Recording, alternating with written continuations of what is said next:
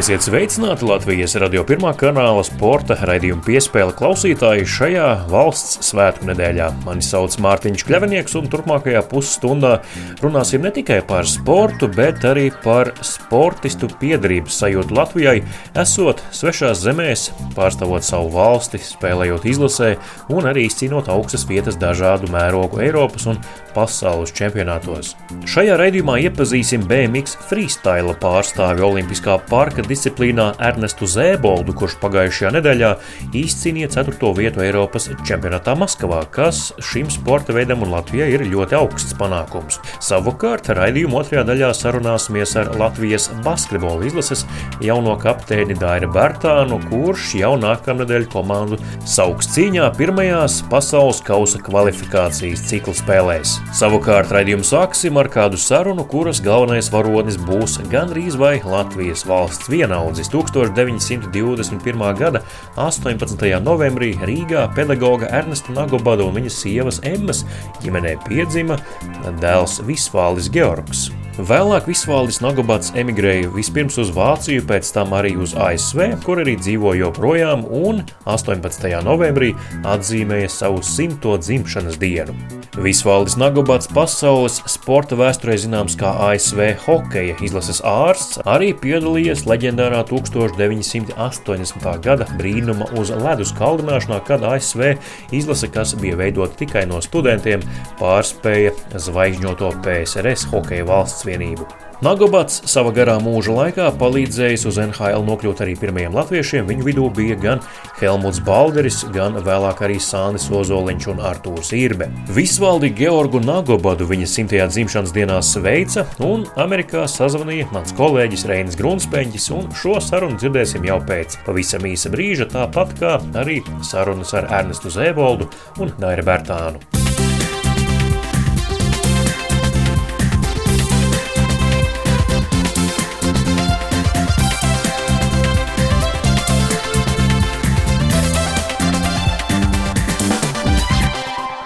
Vēlreiz apsveicu jūs šajā simts gadu jubilejā. Pastāstiet eh, sākumā, kāpēc eh, bērnībā izdomājāt pievērsties tieši hokejam, jo nu, toreiz Latvijā tas jau bija diezgan jauns sporta veids. Es jau sāku spēlēt hokeju jau, kad es biju gimnāzijā. Tad atbrauca no Čehoslovākijas viens uh, spēlētājs, tāds uh, drobnīs, un iemācīja mums spēlēt to Kanādas hokeju. Vai tajā laikā mm, hokejs bija jūsu pati svarīgākā lieta, ka, kas jums toreiz interesēja? Nē, to es nevaru teikt. Nē, man bija vairāk svarīgāk man bija basketbols. Es spēlēju armijas sporta klubā, bet hokejs man arī patika tīri labi, vai ne? Valdemārs Baumans mums bija tas tā, treneris, kurš jau vēlāk bija arī valsts vienības treneris. Un jūs arī tieši medicīnai arī pievērsāties vēl pirmskar gados? Ir jau bija jau jā, pamatīgi jāstudē, vai ne? Sevišķi pirmos gados ar anatomiju un fizioloģiju. Tur jau bija daudz darba, un ja bija jāiet arī uz tām ķimijas laboratorijām un jāstrādā tur ar nu, nemaz nebija tik daudz laika, bet, nu, kaut kādīgi es tomēr tās divas dienas nedēļā, divus vakarus nedēļā mēģināju izdabūt vai nu priekš basketbola, ja priekš hokeja. Nu, tā, nu, mēs beig, beigās 51. gada jūnijā ierados Amerikā. Nostrādāju apmēram trīs mēnešus par sanitāru Un tad es apguvu vairāk arī tieši to medicīnisko valodu un tā tālāk. Un tie vietējie doktori bija ļoti palīdzīgi un ļoti laipni ar mani, vai ne? Un viņi man daudz ko palīdzēja. Jā, un tad es, kad es nobeidzu saucamo pirmo gadu, ko viņi sauc par internshipu, jeb, jeb praktas gadu, tad es aizgāju uz turpat tajā slimnīcā uz ķirurģisko specialitāti. Nostrādāju tur trīs gadus kā ķirurģijas speciālists, un tikai tad es aizgāju uz universitāti. Jā, kāds bija tas ceļš, kā jūs nokļuvāt Minnesotas universitātes hokeja komandā? Kad es aizgāju uz, uz to universitātes, veselības, jeb studentu veselības centru, tad man turīt nākošā gadā jau tas direktors pateica, ka viņš teica, zin, visvalds mums ir jārūpējās ar par mūsu sportistiem. Un tas hokeja komandas ārs ir kļuvis tāds vecāks, viņam ir pagrūti vai tu varētu viņam gadienā drusku palīdzēt? Un tad es tūlīt teicu, teicu, doktor Boynton, mīļo dieviņ, es pats biju hokeja spēlētājs, es ar lielu prieku pārņemtu to hokeja doktoru Paldrīs vietu. Viņš teica, vai dieviņ, nu, brīnišķīgi. Nu, tā es ar, ar 58. gadu sāku strādāt Minnesotas universitātē par hokeja komandas ārstu, ko es no, nostrādāju līdz 92. gadam. Jā, un tad jau nāca arī 1980. gads, leģendārais brīnums uz ledus, uzvar pār PSRS izlasi Laikplasītas Olimpiskajās spēlēs. Neviens cilvēks tam neticēja, ka mēs varētu vinnēt, vai ne, jo mēs jau knapi bijām ietikuši iekšā tikai augstākā līgā, vai ne? Viena maiņa uz ledus nevarē, nevajadzētu būt vairāk kā 35, jeb 40 sekundes tikai. Un tā mēs darījām, un tā bija arī labi. Un mēs tiešām tā paturējām svaigas skājas. Bija visi tomēr ļoti disciplinēti, vai ne? Viņiem eh, Bruks jau bija ļoti stingrs kungs, vai ne? Un viņiem visiem bija drusku bailes man jau bija jābūt drusku par zibeņa novedējiem kādreiz. Jūs esat bijis klāt daudzos pasaules čempionātos un olimpiskajās spēlēs. Vai tieši 80. gada ASV izlases galvenais treneris Herbs Bruks bija labākais treneris, ar kuru jūs kopā esat strādājis? Jā, pilnīgi noteikti, pilnīgi noteikti. Viņam bija, bija skaidra galva, kā darīties un tā, un viņš bija ļoti daudz lasījis. Viņš man vienmēr kaut kādīgi teica, doktorīt, vai tu to šito tēs izlasīs? Es viņam teicu, Herbi, traks, man nav laika savus medicīnas žurnālus izlasīt, kur nu man lai es vēl, vēl tavas grāmatas varu lasīt, vai ne? Tieši jūs arī bijāt tas, kurš NHL palīdzēja nokļūt eh, pirmajiem Latvijas hokeistiem - Helmutam Balderim, Sandim Ozoliņam. Kāds bija tas process eh, tajos laikos no PSRS hokeistu pievienot Ziemeļamerikas komandai? Balders bija tas pirmais, kuru es dabūju pāri, vai ne? Tā toreizējā tādas Nordstar komandas uh, general menedžeri aiz, bija jāizbrauc uz Rīgu, bija jāiet pie Znatnaja tā kunga, un ar par viņu bija runāt, vai ne, vai vispār mēs varētu to Helmutu dabūt, bet, nu, varēja izrunāt, un viņš teica, nu jā, nu labi, Helmuts būs tā, tā kā tāds, jo mums būs tāds lielais sūtnis no Latvijas. Mēs teicām, ok, labi, labi, vai ne? Bet tur jau bija pagrūti, bet tomēr mēs dabūjām Helmutu laukā. Nu, un pēc tam jau tas nākošais bija tu Ozoliņš, kur, kur es dabūju pāri, vai ne? Un pēc tam vēl tūlīt pēc ozoliņa, tā bija atkal irbe, vai ne, Artūrs. Kā šobrīd jūs pavadāt laiku Amerikā? Vai pats skatāties hokeja spēles? Ar maniem gadiem ir cita padarīšana. Es jau tagad arī vairs nedzīvoju savā mājā. Es tagad dzīvoju veco ļaužu mājā šeit, un līdz ar to jau tā dzīve ir citādi es, es nebraucu pats vairs ar autiņu, vai ne, un, un tā kā manu bērnu vismaz, paldies Dievam, dzīvo samērā tū šeit, tad viņi atbrauc kādreiz un aizved mani kaut kur. Nevienmēr es varu uz savas uh, televīzijas dabūt visas tās sasīkstes, ko es gribētu. Labi, liels jums paldies, Visvalds kungs, un jānovēl jums laba veselība. Liels jums paldies vēlreiz! Nu, labi, nu viss labi, un paldies par zvanu. Tas bija interesanti uh, atvērt šīs durvis pēc 40 gadu uh, pārtraukuma. Mums ir tā, ka sevi nedaudz jāizcīna un jāpārvar, jāizkāpj no tās komforta zonas, jo nevar jau visu laiku dzīvot komforta zonā. Latvijas radio pirmā kanāla sporta raidījums piespēle turpinās. Studijā Mārtiņš Kļavnieks un eh, turpinājumā parunāsim par sporta veidu. Un es šobrīd nekļūdos, tik tiešām eh, sakot šos vārdus, par kuru runāsim eh, raidījumā piespēle pirmo reizi tā vēsturē. Jo iepriekš nekad neesam runājuši par BMX freestyle, turklāt vēl olimpiskā parka disciplīnu, bet ir jārunā, jo pagājušā nedēļā lielisks sasniegums latvietim Ernestam Zēboldam. Viņš finišēja 4. Eiropas čempionātā Maskavā. Maskavā. Tieši tāpēc arī Ernests, mūsu sarunbiedrs. Sveiks, Ernest! Sveiki. Kā ir? Vai tagad druskuļi ir norimis tas apsveikuma vilnis, vai joprojām saņem?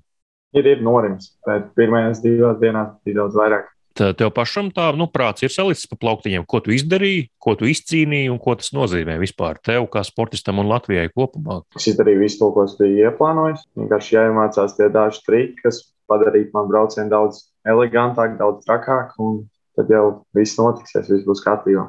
Eiropā es esmu tajā top 6, bet tajā pasaulē, tajā top 15, es esmu, es neesmu vēl starp tiem labākajiem.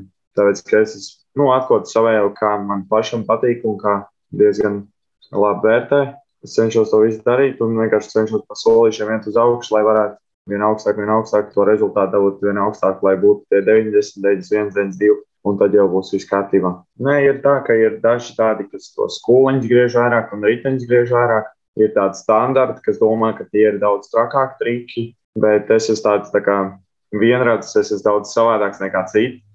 Es taisu to 180 grādu apgriezienu, ko neviens netaisa, jo tas ir ļoti bīstami. Es taisu arī tādus trikus, ko citi netaisa, kā piemēram tabletop un kad kankan, kad eh, kāja pār par rampu pārliek, eh, jo daudz tādu triks vienkārši viņi domā, ka te ir pārāk viegli, tāpēc viņi viņus netājas. Bet, manuprāt, man viņi patīk, viņi ir tādi eleganti, viņi piedod to odziņu tavā braucienā. Eiropas čempionāts Maskavā, 4. vieta, kā jau minēju, tev, eh, kāds bija dalībnieku sastāvs, kā tu to vērtētu, kāds šis 27. viss, cik jūs tur bijāt, kāds tas bija pēc Olimpiskajām spēlēm tieši Olimpiskajā gadā? Ļoti augsts, jo atbrauc visi. Kā arī tas Antonijs Džonžons, kas bija pats pirmais, kas ir divkārtējis Eiropas čempions. Viņš ir tagad vēl augstākā līmenī nekā Olimpiskās spēlēs. Viņš jau braukā līdzīgi kā Loganam Martinam, kas ir pirmā vieta pasaulē, kas ir čempions pats, pats Olimpiskais gal galā. Jā, jā mm -hmm. čempions, jā. Olimpiskajās spēlēs, kas arī pasaules čempions ir, šo, kas šogad notika. Nu, viņš ir labākais jābraucējs. Viņam arī ir 4700 punkti, kas neviens nevar viņu nemaz sadzīt šogad. Vispār nav variantu. Kā varbūt attīstījās tas, kā tu startēji šajā Eiropas čempionātā, ar kādām domām un kādiem mērķiem tu aizbrauc uz Maskavu, un kā varbūt tas rezultējās tajā, ko tu paveici, un beig beigās ceturtā vieta vispār, cik tev pašu pārsteidza, vai varbūt bija zemāk nekā tu cerēji un gribēji? Mans plāns bija, protams, no sākuma ir pats galvenais jau tikt finālā, jo tad jau pēc tam tu vari rādīt savu labāko sniegumu. Es nobraucu savu pirmo braucienu, dalīju tos 82 punktus. Es domāju, o, labs! Tad jau man tikai jānobrauc otrais brauciens diezgan stabili, un es domāju, ka es esmu iekšā, jo es zinu, ka es esmu top 8 Eiropā. Tad es tiku iekšā, un tad jau, jā, tad es darīju visu savu labāko, un es tēmēju jau uz to top 5. Ar ko jūs vispār sacenšaties, teiksim tā, tehniski? Kāds ir šis eh, BMX velosipēds, kāds varbūt atšķiras no trāšu sacensību velosipēdiem, eh, veikalā nopērkamiem, cik tas ir pielāgots, ko jūs tur ņemat nost? BMX valiem mums frīstālā visiem palielam ir vienādi, citiem varbūt ir rāms garāks vai stūris stūra augstāk vai plaukts garāks. Bet tā pa lielam visiem vienādi atšķirās tajā, vai tev ir vieglāks vai smagāks ritenis. Bet mums tur neatšķirās baigi par tiem kilogramiem, mums atšķirās par tiem gramiem. Bet es, es domāju, ka es eh, šo sezonu, nevis šo sezonu, bet tagad, kad būs uz jauno sezonu, kad likšu ritenis, likšu nedaudz smagāk, jo man ir dažas detaļas, kas man neapmierināja sezonas laikā, kas man nedaudz arī pievīla. Tagad arī man Eiropas čempionātā uzsprāga riepa pēc iesildīšanās pirms fināliem. Ir vispār kaut kāds reglaments, ko jūs paši drīkstat pieskrūvēt, eh, noskrūvēt un tam līdzīgi? Tev jābūt BMX ritenim, nekas tur nav mums vajadzīgs eh, speciāli. Tev nav tur jābūt, vai tur jābūt speciāli bremzēm, vai tur jābūt īpašam svaram, vai tev nevar pārsniegt, vai būt pamazs svars. Varbūt tāpēc, ka mums vēl nav tik augsts līmenis, varbūt, kad būs augstāks līmenis, varbūt tad būs. Klau, Ernest, ko saka tavu vecāki ģimene? Ir bijuši tādi teksti, nu, metak to riteni pie malas, sāc mācīties kaut ko nopietnu darīt. Un tagad, kad tas ir saistīts ar olimpisko sapni, un tas ir pat ļoti reāli tavā gadījumā, piemēram, uz Parīzi aizbraukt, ko tagad saka? Varbūt kā ir mainījusies tā retorika no ģimenes puses gadu gaitā, vai vispār sākumā bija tā, ka tā šķība skatījās uz tevi, ko tu tur lēkā pa tām rampām, un tagad ir citādi, vai varbūt atbalstīja jau no paša sākuma? Kā bija? Māma teica, vienmēr ir atbalstījusi. Viņa arī man, protams, viņa lika arī iet mācīties, bet atļauju visu darīt to, ko es vēlos. Man ļoti forši vecāki, mamma teica, atļauju, un viņi arī atbalsta. Viņiem arī patīk. Man teica, vienmēr pazvanīt, pajautā, kā man iet, kā piemēram Tomasam, kas arī bija ar mani uz Eiropas čempionātu. Un viņš ļoti atbalstošs. Manā mamā arī vienmēr man atbalsta. Protams, viņai vienmēr bail ir, ja viņi aiziet uz kādām sacensībām. Kad viņi bija tagad šo sezonu saldu, man bija sacensības, un es viņu nebiju redzējusi dzīvē līdz šim, kad es taisu kūlēnu sacensībās. Viņi, viņam bija ļoti bail, kad viņi skatījās. Bet viņi jau zina, ka es visu kontrolēju un daru to visu ar sirdi. Kā vispār ir Latvijā ar infrastruktūru, kur ir tāds olimpiskā parka disciplīnai atbilstošs parks, kurā var trenēties, kur ir pietiekami labas rampas vai vispār tas izkārtojums? Trūkst, simtprocentīgi trūkst. Mums nemaz neatbilst neviens olimpiskā standarta skateparkiem vai vispār pasaules līmeņa skateparkiem. Mums neatbilst neviens Mums ir labi skateparki, bet mums neatbilst priekš tā lieluma, jo mēs parasti mēs esam ļoti tehniski, es teiktu, tie latviešu braucēji, mēs mākam diezgan mazām rampām labas triks uztaisīt, bet, te, kad tu aizbrauc uz, kā, piemēram, tagad uz Eiropas čempionātu, mums pirmā dienā mēs ar Tomas mums ļoti grūti gāja, grūtāk nekā citiem, jo citiem ir tie treniņu kompleksi, tie skateparki, viss ir atbilst tā kā olimpiskam skateparkam, un viņi ir līdzīgi, tā kā tie skateparki, ir lieli, Mums ir tādi maziņi, un tāpēc ir grūti, kad aizbrauc uz uh, sacensībām, un tur ir tik liels skateparks. Skateparks ir Liepājā, kur ir iekšāls skateparks, un nākošais gads cerams, ka būs, uh, tur būs, jā, olimpiskā līmeņa skateparks ārā. Mēs ceram uz to ļoti, ļoti, ka tas īstenosies un tas skateparks būs, jo tad mūsu līmenis ļoti augsts, jo mums tie lielie skateparki ļoti, ļoti pietrūks. Pat tām lielām rampām, ja tu pierodi, Un, ja tu pierod vēl pie mazajiem, tad viss tu esi neapstādināts. Tu vari taisīt jebko, jebko, viss tev nāk ārā un viss būs mm. viss kārtībā. Un Rīgā ir vēl skateparks, bet uh, viņš, ir, viņš ir arī labs priekš sacensībām, jo to var taisīt trik pēc trik pēc trik despot. Bet viņš ir arī maziņš un tur ir griezti diezgan zemi. Es esmu pieskāries jau divas reizes. Tieši pirms uh, Maskavas es taisīju kūlenu un es pieskāros pie grieztiem. Tas vispār bija ļoti, ļoti traki. Es jau Es vispār jau nezināju, kur, kur likties. Es vienkārši griezu kūlenes, taisīju, var teikt, jaunu triku. Es jau centos, lai būtu vēl augstāks līmenis priekš Eiropas čempionāta. Taisīju kūleni, griezu stūri. Es neapgriezu stūri un es jūtu, ka es esmu pusē un es esmu mm. cik. Un tā bija jāliec nost un jau Tomas un Aivars jau saķēra galvu. Viņi jau redzēja, ka bija traki. Šī ir uh, Latvijas svētku nedēļa, un uh, raidījums skan svētdienā, kad 18. novembris jau aiz muguras Latvijas savu 103. dzimšanas dienu nosinējis, bet uh, tu esi sportists, kurš starptautiskajā arēnā pārstāv Latviju. Kā tu izjūti sev kā sportists, kurš pārstāv Latviju tādās starptautiskās sacensībās? Ir kaut kāds papildus, varbūt satraukums vai saviļņojums, redzot pie savu vārdu Latvijas karodziņu? Vai... Es jūtos ļoti labi, jo mums arī pirmo reizi iedeva tos Latvijas formas riteņbraukšanas federācija. Es jūtos ļoti, ļoti pagodināts, kad es viņu uzjūtu. Man iedeva spēku, ka šeit ir Latvijas uzraksts, un uz muguras ir Latvijas uzraksts. Ja vēl būtu uz muguras rakstīts mans uzvārds Zēbolts, tad vispār es būtu pacēlējis debesīs. Tas ir ļoti brīnišķīgi, ļoti labi sajūta būt latvietim. Arī atbalsts ir ļoti foršs, viss ir ļoti pretīm nākošs, un man ļoti patīk būt latvietim. Un, ka es esmu Latvijas. Tāpēc, ka Latvija ir maziņa un tas atbalsts, kā, manuprāt, visi to sadzīvo. Ja kāds Latvijas kaut kur izceļās. Jā, tāda lūk saruna ar Ernestu Zēboldu. Latvijas radio pirmā kanāla sporta radījumā piespēlē Eiropas čempionāta BMX freestēlā Olimpiskā parka disciplīnā ceturtās vietas ieguvējs. Ernest, vēlreiz sveicam tevi. Paldies par sniegumu, paldies par pozitīvajām emocijām. Paldies, ka pastāstīji arī radio klausītājiem, kas ir BMX freestēls un Olimpiskā parka disciplīna. Paldies! Paldies jums! Pēc labi nobrauktiem mačiem un tieši no radio no radio sporta raidījumiem. Tie ir tie pirmie cilvēki, kuri ar maniem runā. Varbūt es esmu sākus arī sevi kā basketbolistu novērtēt vairāk. Esam nosvinējuši Latvijas 103. dzimšanas dienu 18. novembrī, bet šo svētdienu liela diena arī mūsu sarunas viesim, Dairim Bartānam, Latvijas basketbola izlases kapteinim, jo tuliņ, tuliņ viņš arī dosies palīgā Latvijas izlasei, lai palīdzētu pirmajās kvalifikācijas ciklu spēlēs, bet līdz tam viņam vēl darbiņš jāpaveic arī vietējā čempionātā Spānijā, kluba rindās, bet par to mēs arī visu parunāsim. Bet šī saruna tomēr caurvīsies vairāk vairāk par latvietību un uh, būšanu latvietim arī svešās zemēs, darba dēļ parunāsim, bet vispirms uh, sveiks, Dairi! No, sveiks! Kā Spānijā? Tā kā es tevi šobrīd redzu digitāli, izskatās ļoti patīkami. Tieši tā arī ir ļoti patīkami laika apstākļi, ka redz var mierīgi sēdēt ārā. Sāksim ar sezonu. Nu, varoties tabulā skaidrs, ka laikam lepoties jums pagaidām nav īsti ar ko Spānijas līgā. Esat tabulas pašā, pašā apakšgalā, bet kā tu raksturot līdzinējo sezonu, kā jūs esat vispār kā kolektīvs sadraudzējušies, atraduši viens otru un varbūt pieslīpējušies viens otram, kā šis process rit, tu kā viens no pieredzējušākiem spēlētājiem to ar tādām pieredzes bagātām acīm noteikti ļoti labi saredz arī niansēs. Pirmkārt, kolektīvs ir ļoti, ļoti labs. Tādā ziņā viņš nestoties uz to, ka mums ir divi astoņi šobrīd. Kas pats svarīgākais, jāsaprot, ka mums ir jauna komanda, astoņi, deviņi jauni spēlētāji, nemaldos salīdzinot ar pagājušo sezonu. Tas vienkārši prasa laiku, lai komanda saspēlētos. Un, tāpēc arī sākums ir bijis tik grūts un tik smagnējs. Bet, Labā ziņa, ka ir uzlabojumi. Es tā treneru plāzas komandas vienmēr sezonas gaitā sāk no lejas uz augšu, iet sezonas laikā iet uz augšu. Rāpties ārā no beigas. Es domāju, ka, es domāju, ka viss būs kārtībā tādā ziņā. Kāda ir Daira Bartāna loma tajā visā kolektīva saliedēšanā un tāda kopīga mērķa saglabāšanā, sarunā ar pārējo 11.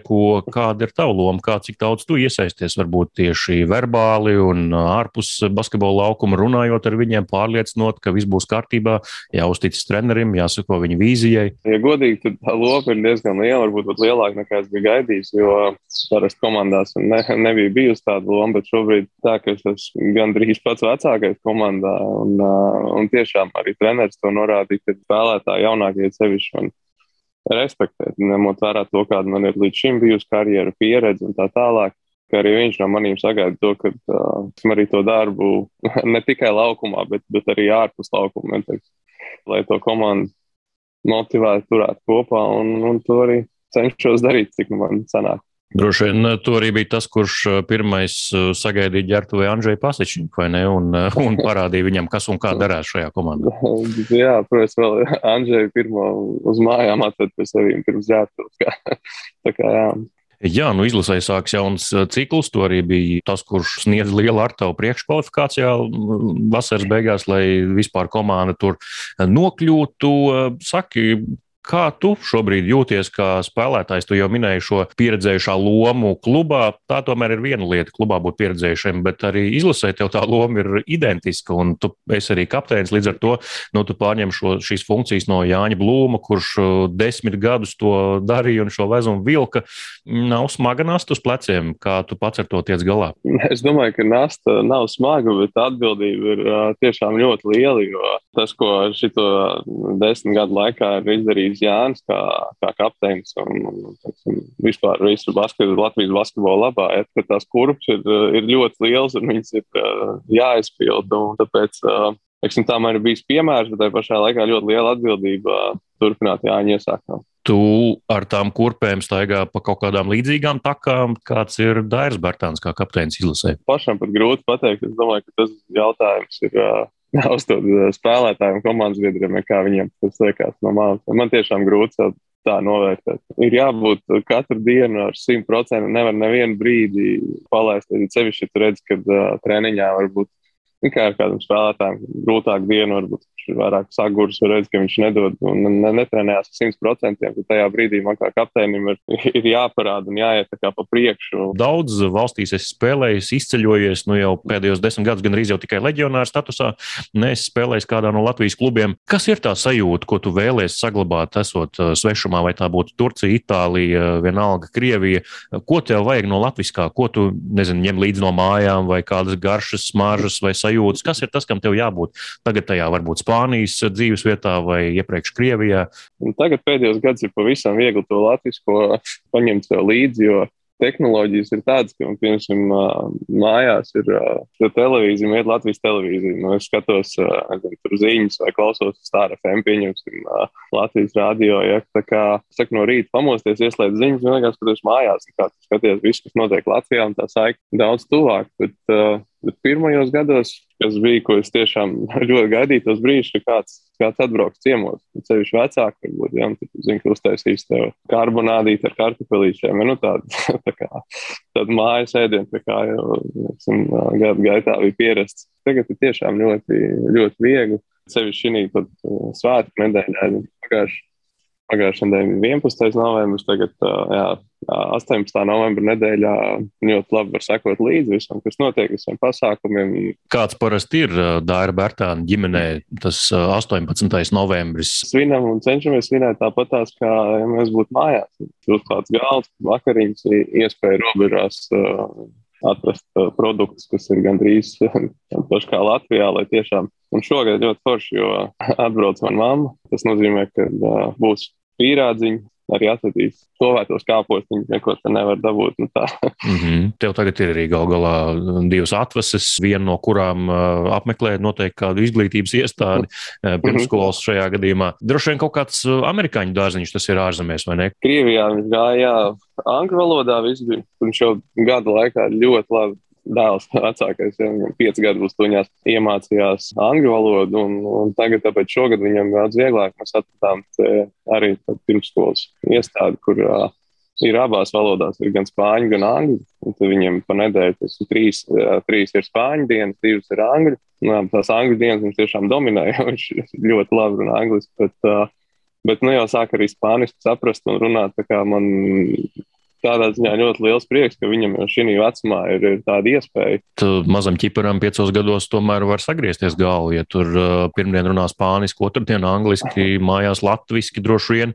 Uh, kā jūs viņam varbūt uh, stiprinat to, nenugluži apziņu piecu gadu vecumā, ka viņš ir latviets, bet nu, tā, lai tie latviešu vārdi neaizmirstās, lai viņš prot izteikties arī latviski pilnvērtīgi, droši vien daudz jārunā vienkārši ar viņu, ne? Jā, nu, daudz runājam, un, zināt, man dēl, tad viņam nav problēmas ar runāt runāšanu. viņam ļoti patīk runāt un daudz runāt. Bet uh, viņam arī teiksim, nav jāstiprina tā sajūta, ka viņš būtu Latvijas. Viņš zina, ka viņš ir Latvijas. Viņš zina, ka, mēs, ka Latvija ir mūsu mājas, ka mēs tagad esam atbraukuši teiksim, tā, uz, uz darbu. Ja? Un tad, uh, kad beigsies sezona, mēs atkal brauksim mājās. Viņš, jā, viņš ļoti gaida to brīdi. Jā. Pirmo reizi uzvākot uh, izlases formu, un uz, uz, uz, uz, uz formas ir trīs zvaigznes, rakstīts Latvija. Un sajūta, vismaz tajā brīdī, ir nu, neaprakstām, ka tu spēlē, ka tu pārstāv savu valsti. Un, un, un, tā kā mūsu, mana mūsu paudze vēl, vēl plus mīnus zina to Latvijas vēsturi, jā, un, un kā mums ir gājis ar to neatkarības atgūšanu, tad tas tiešām tāds ļoti nu, pacelājošs moments. Un, un, un kopš tās dienas katru gadu, vai tā ir jauniešu izlase, vai pēc tam lielā izlase, vai jebkurā brīdī, kur ir iespēja, iespēja pārstāvēt izlasi, nav bijušas pat uh, domas, ka, ka, ka to varētu nedarīt. Tāda saruna ar Daira Bērtānu, Latvijas basketbola izlases kapteini. Daira, ko jums vēlēt? Nebūs viegli pasaules kausa kvalifikācijas ievadā pret serbiem izbraukumā. Tas varētu būt tāds, pirmkārt, jau atgriešanās kaut cik normālā realitātē, laikam, jo tur tie fani tomēr radīs to atmosfēru, kāda bija pirms pandēmijas laikā, droši vien. Un otrkārt, nu, tas nesola nekādīgi vieglas dienas jums. Nē, nu, viegli, protams, nebūs. Un viegli nebūs ne, ne pret vienu no komandām šajā grupā. Bet jā, tas pirmkārt būs tāds solis atpakaļ realitātē, uz priekšu atkal realitātē. Skatītāju dēļ, jā, kas noteikti šobrīd pēc diviem tādiem klusiem gadiem, jā, arī izbraukumā izbaudīsim spēli skatītāju klātbūtnē, jo tas ir šobrīd vienalga kādās mājas vai izbraukums, galvenais, ka skatītāji tribīnēs. Otrs, ko es gribētu teikt, kāpēc mēs atgriežamies atpakaļ realitātē, kad, nu, beidzot atkal varēsim spēlēt pret komandām, kas ir tiešām uh, Eiropas top līmeņa komandas. Teiksim, savu to mazo darbiņu priekškvalifikācijā izdarījām, ja, bet nu, būsim reāli, mēs gribam gribam būt tur, kur mēs gribam būt, tad Baltkrievija un Rumānija noteikti nav tās komandas, ar ko mums būtu jāsalīdzina. Tagad atkal mums būs iespēja redzēt, kāda mēs šobrīd ar jauno treneru, teiksim, jauno komandu esam uz jau Eiropas top komandu fonu. Vēlēsim veiksmīgu došanos. Gal galā skatītāji varēs būt arī mājas spēlē pēc tam jums tribīnēs. Tā kā cerams, ka arēna Rīga tiks um, piepildīta, uh, cik nu tas būs iespējams un atļauts. Tā kā paldies, Dāri, par šo sarunu, lai veicas um, kvalifikācijas ievadā pirmajās divās spēlēs. Protams, arī lai veicas šodien raidījuma skanēšanas dienā, svētdienā. Jums ir spēle pret uh, Madrides Reāli, tā kā arī tur labu sniegumu gan tev, gan mm. Andžijam, gan arī komandai. Un paldies par šo sarunu, un uh, tad jau tiekamies uh, izlases rindās, kas jau tuliņ nākamnedēļ. Tepat aiz durvis liekšņa vien ir priecīgs svētks Latvijas svētku nedēļā arī tev. Jā, paldies, un priecīgs arī svētks visiem visā Latvijā, un jā, tiekamies izlases rindās. Līdz ar to arī izskan valsts svētku nedēļas sporta raidījums piespēle. To vadīju es Mārtiņš Kļavinieks, bet man to veidot palīdzēja kolēģis Reins Grunspeņķis par labskaņu, kā vienmēr parūpējās Nora Mītspapa. Pirms atvados vēl tikai atgādinu, ka raidījumu piespēle meklējiet arī jebkurā sev ērtā raidierakstu jeb podkāstu klausīšanās vietnē uz sadzirdēšanos jau pēc nedēļas.